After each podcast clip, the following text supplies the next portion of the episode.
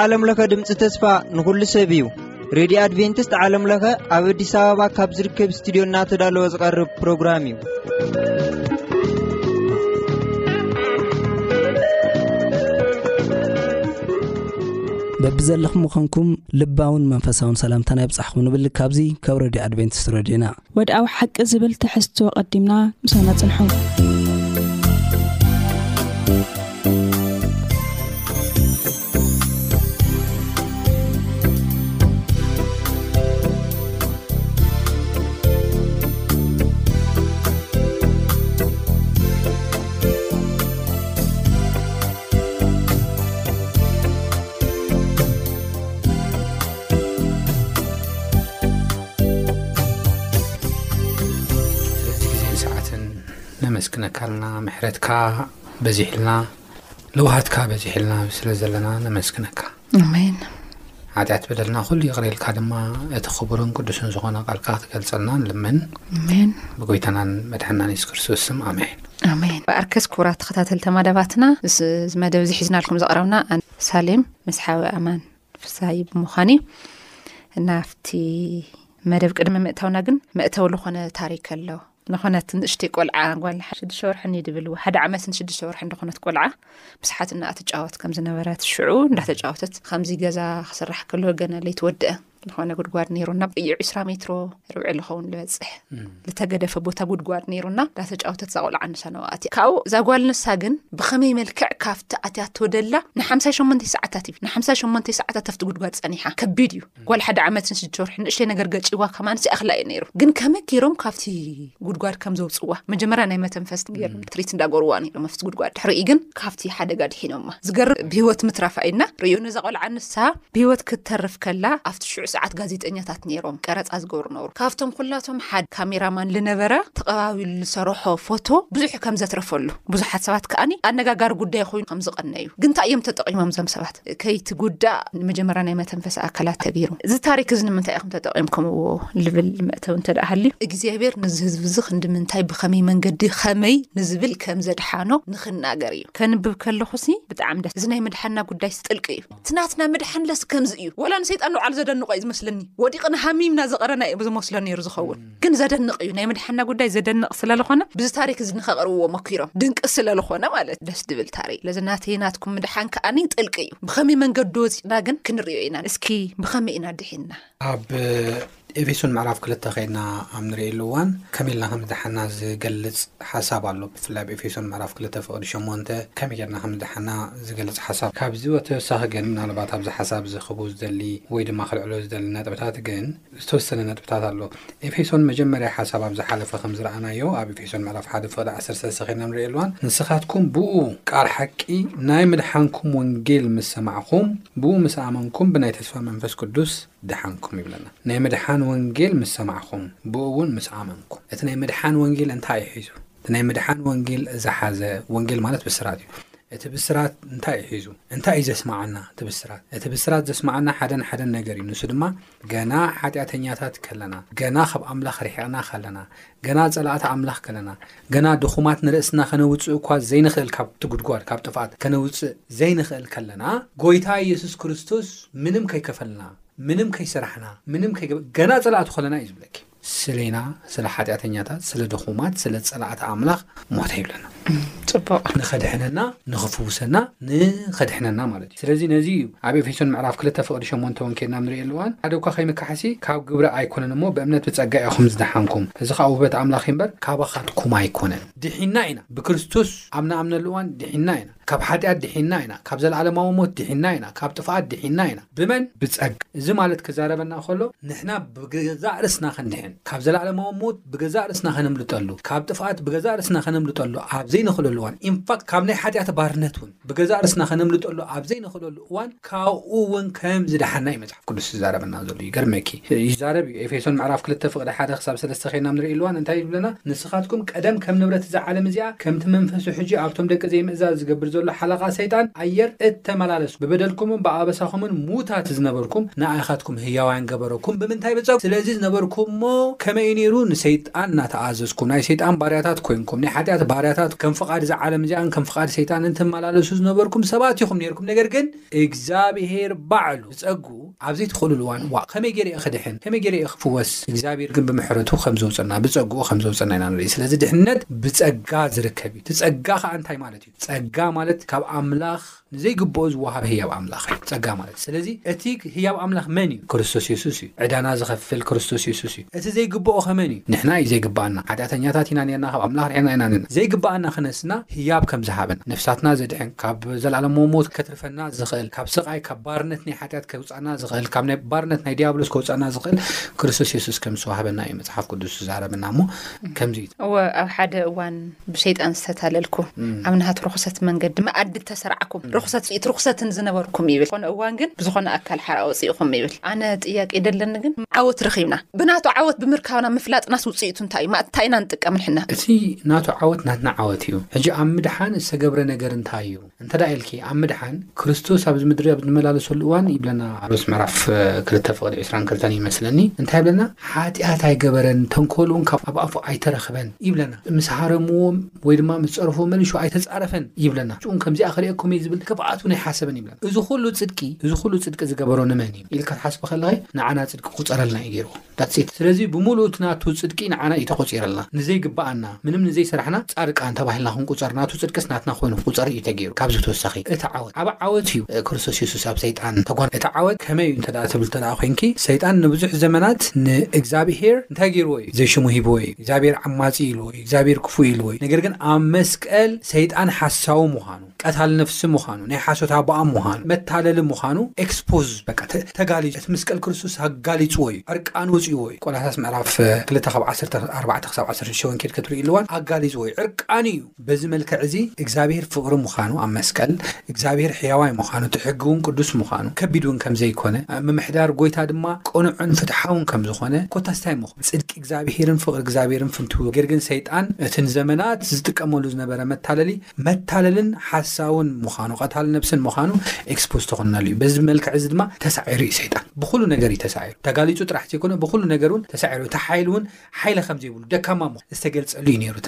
ናይ መስቀል ሓይሊ ምክንያቱ ቀቲለ ኢሉ ሓሲቡስ ኣብ ሳልሳይ መዓልቲ ኢየሱስ ክርስቶስ ተሲኡ እቲ ሓይሊ እውን ዓቕሚ ከም ዘይብሉ ሰይጣን ቀቲሉ ምንም ክገብር ከም ዘይክእል ተረዲእኽኒ ትንሳኤ ከም ዘሎ እዩ ኣርእይዎ ማለት እዩ። እዚ ሓሳብ እዚ ከይድና ንርእየሉ እዋን ስለዚ እዚ ዓወት እዚ ከኣ ይገርመካ እሞ ኣብ ዮሃንስ ወንጌል ምዕራፍ ዓሰርተ ሽዱሽተ ናይ መጨረሻ ጥቕሲ ከይድና ንርእየሉ እዋን እንሆ ኣነ ንዓለም ይብል እሞ ደድሕሪኡ ንስኻትኩም እውን ክትስዕርዋ ኢኹም ይብለና ስለዚ እቲ ዓወት ክርስቶስ እውን ንዓና እዩ ተዋሂቡ እዩ። ሕጂ እቲ ዓወት ክርስቶስ እውን ንዓና እዩ ተዋሂቡ ስለዚ እቲ ጥቕሚ ክርስቶስ ምዕዋቱ ንዓና እንታይ እዩ ዘድልየና እቲ ዓወት ናትና ስለ ዝኾነ እቲ ክርስቶስ ዝተዓወቶ ዓወት ናሕና ናትና ስለ ዝኾነ እዩ ንሕና ሞይትና ኣይንተርፍን ብክርስቶስ ዝኣምኑ ሰባት ናይ ሞት ሓይሊ ሴሮም ብጸጋ ኣምላኽ ናይ ሞት ሓይሊ ሴሮም ክትስኡ እዮም። ናይ ዘለኣለም ህይወት ዓይኒ ዘይረኣዮ እዝኒ ዘይሰምዓቶ ኣብ ልቢ ሰብውን ዘይተሓስቦ ክወርሱ እዮም ይብለና ማለት እዩ። ስለዚ እቲ ዓወት እውን ዓወት እቲ ጽድቂ እውን ጽድቅና ስለ ዝኾነ የገድሰና እዩ ዝብል ሓሳብ እዩ ዘለኒ። እወ ኣብ ዝቕጽል ነጥቢ ክንርኢ ከለና ከኣ ኣብ ሓደ እዋን ብገዛእ ፍትወትና ዝተታለልና ከም ዝነበርና ቅድም ኢልና እንዳ ረኣናዮ ነበርና ኣብ ሓደ እዋን ሙታንን ብሰይጣን ዝተታለልና ከም ዝነበርና ይገልጽ። ካልኣይ ከኣ ናብ ሓደ እዋን ብገዛእ ስጋ ፍትወትና ከም ዝተታለልና ከም ዝነበርና ማንም ጣልቃ ኣትዩ ዘይኮነስ መሪጽና ዝወደቕና ሰባት ከም ዝኾንና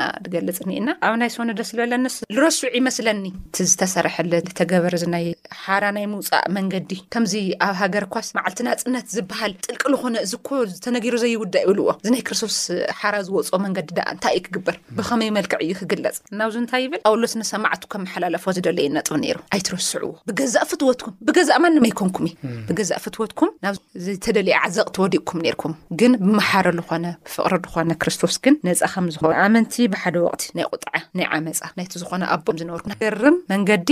ነጻ ወጺኹም ኢኹም። እቲ ነፃነት ንሱ ኣይትረስዕዎ እቲ ዝሓልፍ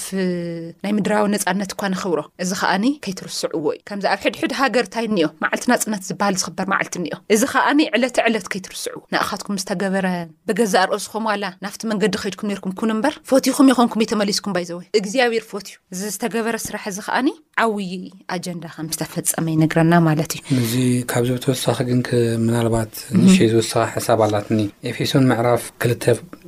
ቁጽሪ ሰለስተ ኬድና ኣብ ነንብበሉ እዋንስ እንታይ ይብል? ንሕና ኩላትና ከኣ ነቲ ናይ ስጋ ሓሳባትን ድሌትን እናገበርና ቀደም ብትምኒት ስጋ ምሳታቶም ንነብር ነበርና፣ ከምቶም ካልኦት እውን ብባህሪና ደቂ ቁጥዓ ነበርና። እዛ ደቂ ቁጥዓ ነበርና ዝብል ቃል እንታይ ማለት እዩ? ሕጂ እቲ ኤፌሶን ዝነበርሉ ዝቐደመ ማንነቶም እዩ ዝዛረብ ዘሎ። ሕጂ ብክርስቶስ ሓድሽ ፍጥረት ኮይኖም እዮም። ኣብ ካልኣይ ቆሮንቶስ ምዕራፍ ሓሙሽተ ፍቕዲ ዓሰርተ ሸውዓተ ኬድካ ብተንብብሉ እዋን ብክርስት ማንም ብክርስቶስ እንተሃልዩስ ንሱ እንታይ እዩ ሓድሽ ፍጥረት እዩ ዝብለና መፅሓፍ ቅዱስ ሕጂ ሓድሽ ፍጥረት ኮይኖም እዮም ሕጂ ክርስትያናት ኮይኖም እዮም ናይ ውልድነት መሰል ተዋሂቦም ውልድ ኣምላኽ ተባሂሎም እዮም ሕጂ ግን እቲ ቀደም ዝነበሮም ማንነት ግን ደቂ ቁጥዓ ነበርና ወይ ድማ ደቂ ቁጥዓ ነበርኩም እናበለ ይዛረብ እንታይ ማለት እዩ ዝደቂ ቁጥዓ ክብለና ከሎ ኣብዚኣ ከስምረላ ወይ ድማ ከተኩረላ ደልየ ዘለኹ ብባህሪና ደቂ ቁጥዓ ሰብ ብባህሪኡ ብባህሪኡ እዚ ባህሪ ዝብል እንታይ ማለት እዩ? ብባህሪኡ ማለት ኦረዲ ንሕና ሕጂ እቲ ብሓጢኣት ምኽንያት ሲ እተፈጥሮና ንባዕሉስ እንታይ ኮይኑ መስለካ ሓጢኣተኛ ኮይኑ እዩ እተፈጥሮና ንባዕሉ ኩሉ ሰብሲ ተጣሚሙ እዩ ዝውለድ ናብ ናብ ሓጢኣት ማለት ብመንፈሳዊ ኮይኑ እዩ ትውሉ ዝውለድ ተረዲኽኒ ተጣሚሙ እዩ ዝውለድ ንኣብነት ሕጂ ህጻን ሲ ምንም ዝፈልጦ ነገር የብሉን ምስ ተወልደ እንታይ እዩ ዝገብር ጡብ ይነክስ ይብሕንጭረካ ተረዲኽኒ ይብሕንጭረካ ካይንድ ኦፍ ብዙሕ ነገራት ዊርድ ዝኾነ ነገራት ይገብር ትኽክል ዘይኮነ ነገራት እዚ እንታይ እዩ ዘርእየና እንተ ኢልኪ ሰብ ክውለድ ከሎ ተጣሚሙ እዩ ዝውለድ። በቃ ሓጢኣትስ እንታይ ጌርና እዩ? ኣጣሚምና እዩ። መንፈሳዊ ምጥማም ተጣሚምና ኢና ንወለድ። ስለዚ ብተፈጥሮና ደቂ ቁጥዓ ኢና። ብተፈጥሮ ብተፈጥሮ ንባዕሉ እቲ ሓጢኣትሲ እቲ ተፈጥሮና እንታይ ጌርዎ እዩ? ቁጥዓ ኣምላኽ ኣባና ክወርድ፣ ሓጢኣተኛታት ክንከውን፣ ካብ እግዚኣብሄር ፍቓድ ዝረሓቕና ኮይንና ክንውለድ ጌርና እዩ። ማለት እዩ ስለዚ ደሓር ከኣ እዚ ተፈጥሮ እዚ ከኣ እንደገና እንታይ ጌርናዮ ንሕና ኣማዕቢልና ኣማዕቢልና ኣማዕቢልና ኣማዕቢልና እናዓበና ክንከይድ ከለና ከኣ ካብ ክፍኣት ናብ ክፍኣት ካብ ሓጢኣት ናብ ሓጢኣት ካብ ተንኮል ናብ ተንኮል ካብ ዝሙት ናብ ዝሙት ካብ ምንዝር ናብ ምንዝር እናበልና ከኣ ነማዕብሎ ማለት እዩ እዚ እቲ ሽግር እቲ ተፈጥሮ ግን ንባዕሉ ተበኪሉ እዩ እቲ ኔቸር ዝብል ሓሳብ ኣለኒ እሞ ጳውሎስ እንታይ እዩ ዝብል ዘሎ ሓጢኣተኛታት ኢኹም ርኩም ቤንቲ ኮይንኩም ብምውላድኩም ሓጢኣተኛታት ምዃንኩም እንታይ ገይርኩም እዩ ቁጣዕ ኣምላኽ ኣባኻትኩም ክነብር ገይሩ እዩ ዝብል ሓሳብ እዩ። ጽቡቕ ኣብ ዝቕጽል ክንርእ ከለና ከኣኒ እነሆ እዚ ድማ ምስ ክርስቶስ ከም ዝተልዓልናን ከም ዝዓረግናን ክብሪ እውን ከም ዝረኸብና ኣመንቲ ብክርስቶስ ትንሳኤ ዕርገትን ክብርን ብኸመይ መልክዕ እዮም ተሳተፍቲ ክኾኑ ዝኽእሉ ኣመንቲ ወይ ደሞ እዚ ተሳትፎ እዚ ተግባራዊ ዝኸውን መዓዝ እዩ? እዚ ምትንሳእ ምዕራግ እወ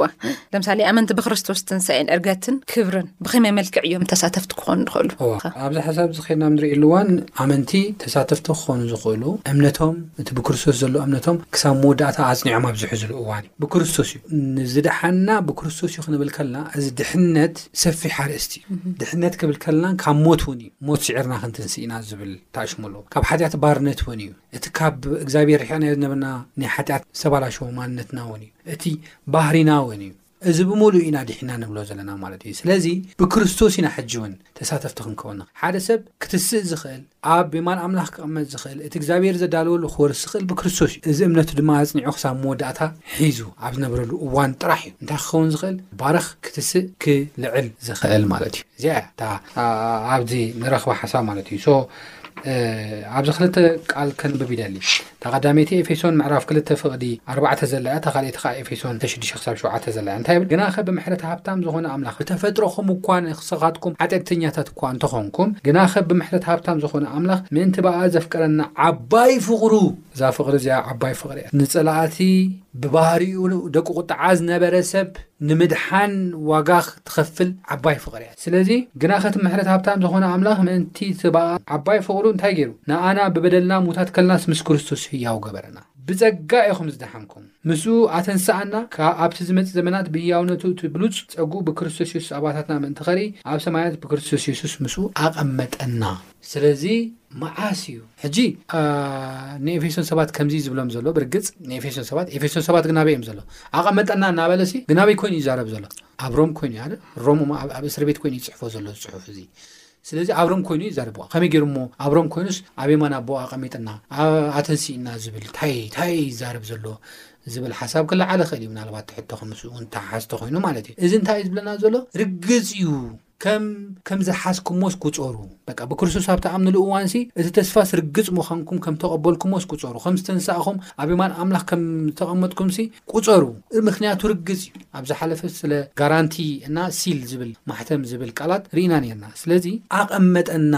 ርጉጽ እዩ በቃ ከም ተቐመጥኩም ቁጸሩ ከም ዓይነት ከም ዝኾነ እዚ ሓሳብ እዚ ይዛረበና ማለት እዩ ስለዚ እቶም ብኡ ዝኣምኑ ግጽ ክኾኑ ኣለዎም ብናይ ክርስቶስ ስራሕ በቲ እግዚኣብሔር ዝሰርሖ ስራሕ እቲ ርስቲ ከም ዝረኽብዎ ርግጽ ክኾኑ ኣለዎም እንዲኦም ከም ተቐበልዎ ርግጽ ክኾኑ ኣለዎም ዝብል ዓይነት ዓይነት ሓሳብ እዩ ዘለዎ ምክንያቱ ኣብ ዝኾነ እዋን ዞም ሰባት እዚኦም ዝኾነ ዓይነት መንነት ነይርዎም ግን ክርስቶስ ምስ ኣመኑ ግን ክርስቶስ ዝኣመነስ ብናቱ ሞት ትንሳኤ ልክዕ ብትናቱ ዕርገት ብትናቱ ዝመፅ ዳግማዊ ዝኾነ መንግስቲ ኣምላኽ ዕድል ከም ዝረክብ ይገልጸልና ምክንያቱ ንሱ ዝሰዕሮ ኢና ንሕና ንስዕሮ ንሱ ዘይሰዕሮ ንሱ ዘይረገጾ ንሕና ይንረግጽን ጀስት ኣንሕና ከኣ ንብልኾነ እዋን ኣሸነፍቲ ከም ንኸውን ካብ ሰዓርቲ ብላዕሊ ከም ንኸውን እንዳሰዓርና ክንነብር እውን ተጸዊዕና ኢና ንናይ ዓለማዊ ፍትወት እንዳሰዓርና ክንነብር እቲ ናይ ቀደማዊ ዝነበረና መንነት ክንገድፍ እውን የዘኻኽረና ጀስት እንዳነበርና እውን ከም እንስዕር ለምሳሌ እቲ ዓስብሲ እቲ ዝሓልፍዎ ዝነበሩ መከራታትስ ኣብ እብራውያን መፅሓፍ ሓቂ እኒኦ ኣሳጊሮም ይጥምትዋ ስለ ዝነበሩ እታ ርስትሲ ከም ምንም ኣይቆፅርዎ ነይሮም እቶም ኣብ ምድሪ ዝሓልፍዎ ዘለዉ ነገራትና ጀስት እሱ እሱ ምሕሳብ ንባዕሉ እንታይ እዩ ኣሸናፊ እዩ ምክንያቱ እታ መንግስቲ እታ ዝነበራ መረበቱስ ከምዘይ ከምዘይስእናስ ይፈልጥ እዩ ነይሩ ክርስቶስ ስለዚ ንሕና ንሱ ክንኣምን ከለና እውን ብናይቲ ናቱ ትንሳኤ እቲ ናቱ ዕርገት ደስ እሱ ዝሓለፎ ከም ንወርስ ከም ንረከብ ይነግረናና ደስ ድብል ቃል እዩ ኣብዚ ቅፅል ከይድና ክንርኢ ከለና ከዓኒ ሕጂ ብፀግኡ ንዘለኣለም ከም ዝተባረኽኩ መዓዚያ እታ በረከት ሕጂ ምድሓን መዓዚያ ሕጂ ሂወት ዝረኽብሉ ከዓኒ ሕጂ እዩ ኣብ ዝኾነ እዋን ዝኾነ እዋን ወይ ኣይኮነይ ምድሓን በዛ ሰዓት እዚኣ ፀግኡ ከዓኒ በዛ ሰዓት እዚኣ እትድልኒ ሰብ ኣብ ዘድልዮ ሰዓት እዩ ዝግለፅና ብፀግኡ ንዘለኣለም ከም ዝተባረኽኩም ይብል ታይታይ በረከት እዮም ተባሪኾም ወይ ደሞ ናይ እግዚኣብሔር ናይ ምድሓን እቅድ ኣድላይ ዝኾነ ባህርያትን ሽቶታትን እንታይ እዮም ለምሳሌ ፀግኡ ንወዲ ሰብ ከካፍል ዝደልየሉ ዋና ዕላማስ እንታይ እያ ፍቕሪ እዩ እቲ ፀግኡ ዋና ክካፍል ዝደልየሉ ዋና ዓላማ እቲ ዕላማ ፍቕሪ እዩ እቲ ዝተባረኾ በረከት ከ እንታይ እዩ ንዝብል ሕቶ እዩ ኤፌሶን ምዕራፍ ክልተ ፍቕዲ ሸውዓተ ሕጂ እውን ደጊመ ንከንብቦ ይደሊ ኢንፋክት እዚ ሓሳብ እዚ ኣብ ኤፌሶን ምዕራፍ ሓደ ፍቕዲ ሰለስተ ኬና ንሪእየሉ እዋን እውን ተዛሪብዋ ነይሩ እዩ እዛ ሕጂ ቀዲም ኢልከ ዘንበብክያ እንታይ ይብል እቲ ብመንፈሳዊ በረኸት ዘበለ ብክርስቶስ ገይሩ ኣብ ሰማያት ዝባረኸና ኣምላኽ ኣቦ ጎይታ ናይ የሱስ ክርስቶስ ብሩኽ ይኹን ከምቲ ብፍቕሪ ኣብ ቅድሚኡ ቅዱሳንን መንቅብ ዘይብሎም ምእንቲ ክንከውን ቅድሚ ምስራት ዓለም ብእኡ ሓረየና ወይ ድማ ዝሓረየና ይብል ስለዚ ብዚ ሓሳብ እዚ ብመንፈሳዊ በረኸት ዝባረኸና እዩ ብመንፈሳዊ በረኸት መንፈሳዊ በረኸት ማለት እንታይ እዩ ኣብዚኣ ቅድም ኢልና ኣብ ዝሓለፈ ናይ ቃል ግዜና እውን ተናኻኺፍናዮ ነርና ኢና ብርግፅ ኣብ ሰማያት እዩ ዝብል። ኣብ ሰማያት ብካልእ ኣባህላ ንሕና ብሓጢኣትና ንሕና ብበደልና ካብ እግዚኣብሔር ዝረሓቕና ሰባት ኢና ነርና እቲ ናይ ሰማያዊ ሃብቲ ስኢናዮ ኢና ነርና ብሓጢኣትና ምክንያቱ ካብ እግዚኣብሔር ተፈሊና ስለ ዝነበርና ማለት እዩ ስለዚ ሕጂ ግን ብክርስቶስ የሱስ እቲ ናይ ሰማያዊ ሃብቲ ኣክሰስ ክንረክ ክንቅበል ካብኡ ለሚና ክንቅበል ካብኡ ሓቲትና ክንቅበል መንገዲ ተኸፊትልና እዩ ተረዲኽኒ መንፈሳዊ በረኸት ንኣብነት ኣብ ዮሃንስ ወንጌል ምዕራፍ 14 ፍቕዲ 6 ክሳብ 9 እኳ ከይድ ክትርእሉ እዋን ትእዛዘ ይሓልው ንኣነ ከዓ መፀናንዒ ክልእኸልኩም የብለና ካብ ሰማይ ዝመፅእ መፀናንዒ ንሱ ድማ መንፈስ ቅዱስ ጰራቅሊጦስ ክህበኩም እየ ይብለና ስለዚ እዚ ኣክሰስ እዚ ቅድሚ ሕጂ ኣይነበረን ተረዲእክኒ ሕጂ ግን እንታይ ኮይኑ ንዓና ንዓና መንገዲ መንፈስ ቅዱስ ጥራሕ ኣይኮነን ኣብ ሰማያዊ ዘሎ ሕጂ ማንም ሰብ ጸልዩ ጎይታ እዚ ምልኣለይ እዚ ግበረለይ እዚ እዕቤኒ ብመንፈሳዊ ህይወት ይዕቤኒ ለውጠኒ ሓይሊ ሃበኒ ንዝብል ካልኦት ሕቶታትን ብምሉእ ካብ ሰማይ እዚ በረከት እዚ ንክለቀቀልና ገይሩ እዩ ናይ ክርስቶስ ሞትን ትንሳኤን ማለት እዩ ተረዲእክኒ በሃለ እዚ ጥራሕ ኣይኮነን እዚ ኣክሰስ ጥራሕ ዘይኮና ረኺብና ኣብ ምድሪ ማዮ በረኸት ደይኮነ እቲ በሪ ኣርሒዎ ናይ ክርስቶስ ሞትን ትንሳኤን ካብዚ ብተወሳኺ ግን ኣብ ኤፌሶን ምዕራፍ ክልተ ፍቕዲ ሸውዓተ ኸይና ኣብ ንርእየሉ እዋን ቅድም ኢለ እውን ዘንበብክዎ ማለት እዩ ንዓና እውን እቲ በረኸት ክንረክብ ጥራሕ ዘይኮነ እውን ንሕና እውን ናብቲ ሰማያዊ ቦታ ናብቲ እግዚኣብሄር ዘለዎ ልዕል ክንብል ገይርና እዩ ኤፌሶን ምዕራፍ ክልተ ፍቕዲ ሸውዓተ ምስኡ ኣተንሰኣና ይብለና ሞት ስዒሩ ኣተንሰኣና እግዚኣብሄር ይመስገን ሞት ስዒሩ ኣተንሰኣና እቲ በረኸት ጥራሕ ኣይኮና ንረኽቦ ዘለና ጭራሽ ናብቲ በረኸት ዘለዎ ናብቲ ትሬዠረ ናብቲ ሃብቲ ናይ ሰማይ ናብኡ እውን ኣተንስኣና ይብለና። ቀጺሉኸ ካብቲ ዝመጽእ ዘበናት ብህያውነቱ እቲ ብሉጽ ሃብቲ ጸግኡ ብክርስቶስ የሱስ ኣብ ኣትና መእከሊ ኣብ ሰማያት ብክርስቶስ ምስኡ ኣቐመጠና። ምስ ክርስቶስ ኣብ ሰማያት እንታይ ገበረና? ኣቐመጠና ይብል። ካብዚ ዝዓቢ በረኸት ጭራሽ እቲ በረኸት ንረኽበሉ መንገዲ ጥራሕ ዘይኮነ እዳልየልናስ ናብቲ በረኸት ዘለዉስ ኣብ ውሽጢ። ተረዲእክኒ? ይፋላለ እዩ ኣብ። ጥቓ ባሕሪ ኮይንካ ማይ እናጨለፍካ ምውሳድን ኣብ ውሽጢ ባሕሪ ምእታውን ይፈላለ እዩ። ጠቕላላ እግዚኣብሔር ናብቲ ባሕሪ ናብቲ ናይ ሰማያዊ ሃብቲ ትበረኸት ማለት እዩ። ምንም ዘይሰኣነሉ ተረዲኸኒ እዩ እእቲና እዩ ዝብል ዘሎ ስለዚ እተባረኽናሉ በዚ መልክዕ እዚ እዩ እዚ ብሓጢኣትና ስኢናዮ ዝነበርና ካብ እግዚኣብሔር ብምፍላይና ስኢናዮ ዝነበርና በረኸት እዩ እዚ በረኸት እዚ እንደገና ክርስቶስ ኣክሰስ ክንረክብ ገይሩ ብጣዕሚ ደስ ዝበለኒ ኣብዚ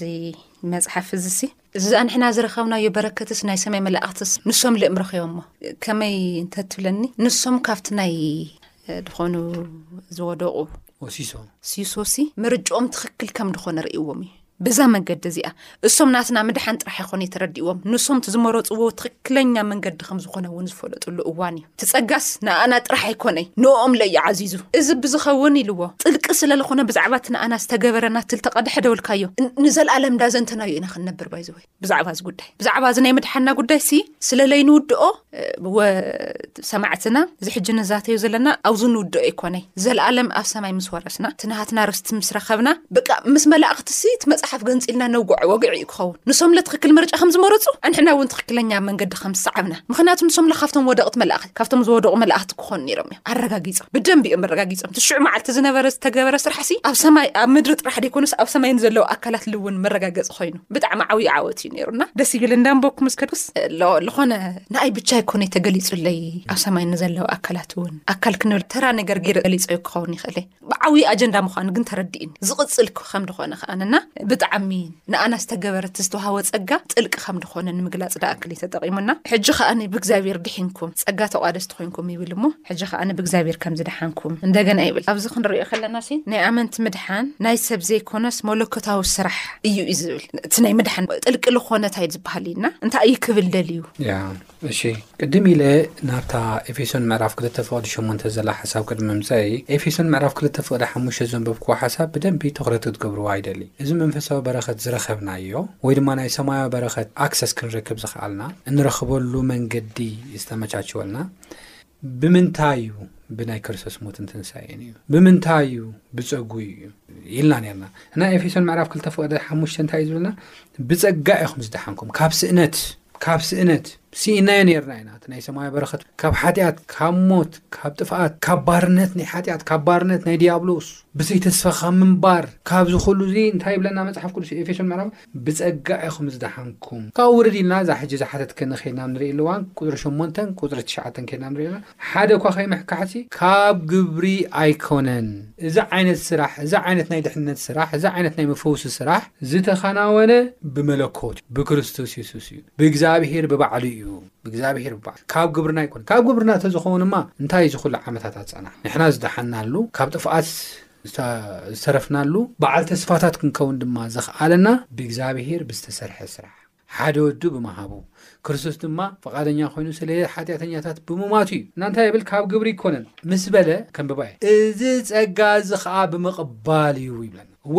እቲ ድሕነት ናይ መለኮታዊ ስራሕ እዩ እግዚኣብሔር ባዕሉ ንሓጢኣተኛታት ንኽድሕኑ ኢሉ ዘዳለዎ መንገዲ እዩ ነገር ግን ንስኻትኩም ስፐስፊካሊ ዝደሓንኩም ከዓ ይብለና ኣብዚኣ ሓሳብ እዚኣ ብእምነት ብጸጋ ኢኹም ዝደሓንኩም፣ እቲ ጸጋ ብእምነት ብምቕባልኩም ኢኹም ድሒንኩም እዩ። ናተይ እዩ ንዓይ ኢሉ እዩ ገይርዎ ኢልኩም ብምቕባልኩም ጥራሕ ኢኹም ዝደሓንኩም። እምነት ዝብል ቃል ቅድሚ ምትንታነይ ጸጋ ዝብል ደጊመ ደጋጊመ ጸጋ ማለት ንዘይግበኦ ዝወሃብ ህያብ ኣምላኽ ማለት እዩ። ንዘይግብኦ ዝወሃብ እሞ ኸኣ ንዕኡ ንምድሓን ዝወሃብ ስለዚ እዚ ዓይነት ህያብ ብምቕባል ጥራሕ ኢና ንሕና ክንድሕንን ክንተርፍን ንበረኸት እምነት ዝብል ቃል ኣብ መጽሓፍ ቅዱስ ክልተ እንግሊሽ ቃል ኴንና ንርእየሉዋን Faith ዝብል ቃል ኴንና ንርእየሉዋን እምነት ዝብል Belief Plus Trust Belief Plus Trust Belief ማለት እንታይ ማለት እዩ ምቕባል ነቲ ህያብ ኣምላኽ ብምቕባል እግዚኣብሄር ሂበና ኣሎ ንሕና ተመስገን ጎይታ ስለ ዝሃብካኒ ኢልና ብምቕባል፣ ብምእማን ማለት እዩ። እቲ ካልኣይ ከ? Not only ምቕባል፣ እምነት ምቕባል ጥራሕ ኣይኮነን። እምነት እንታይ እውን ኣለዎ እዩ? Trust ዝብል ቃል እውን ኣለዎ።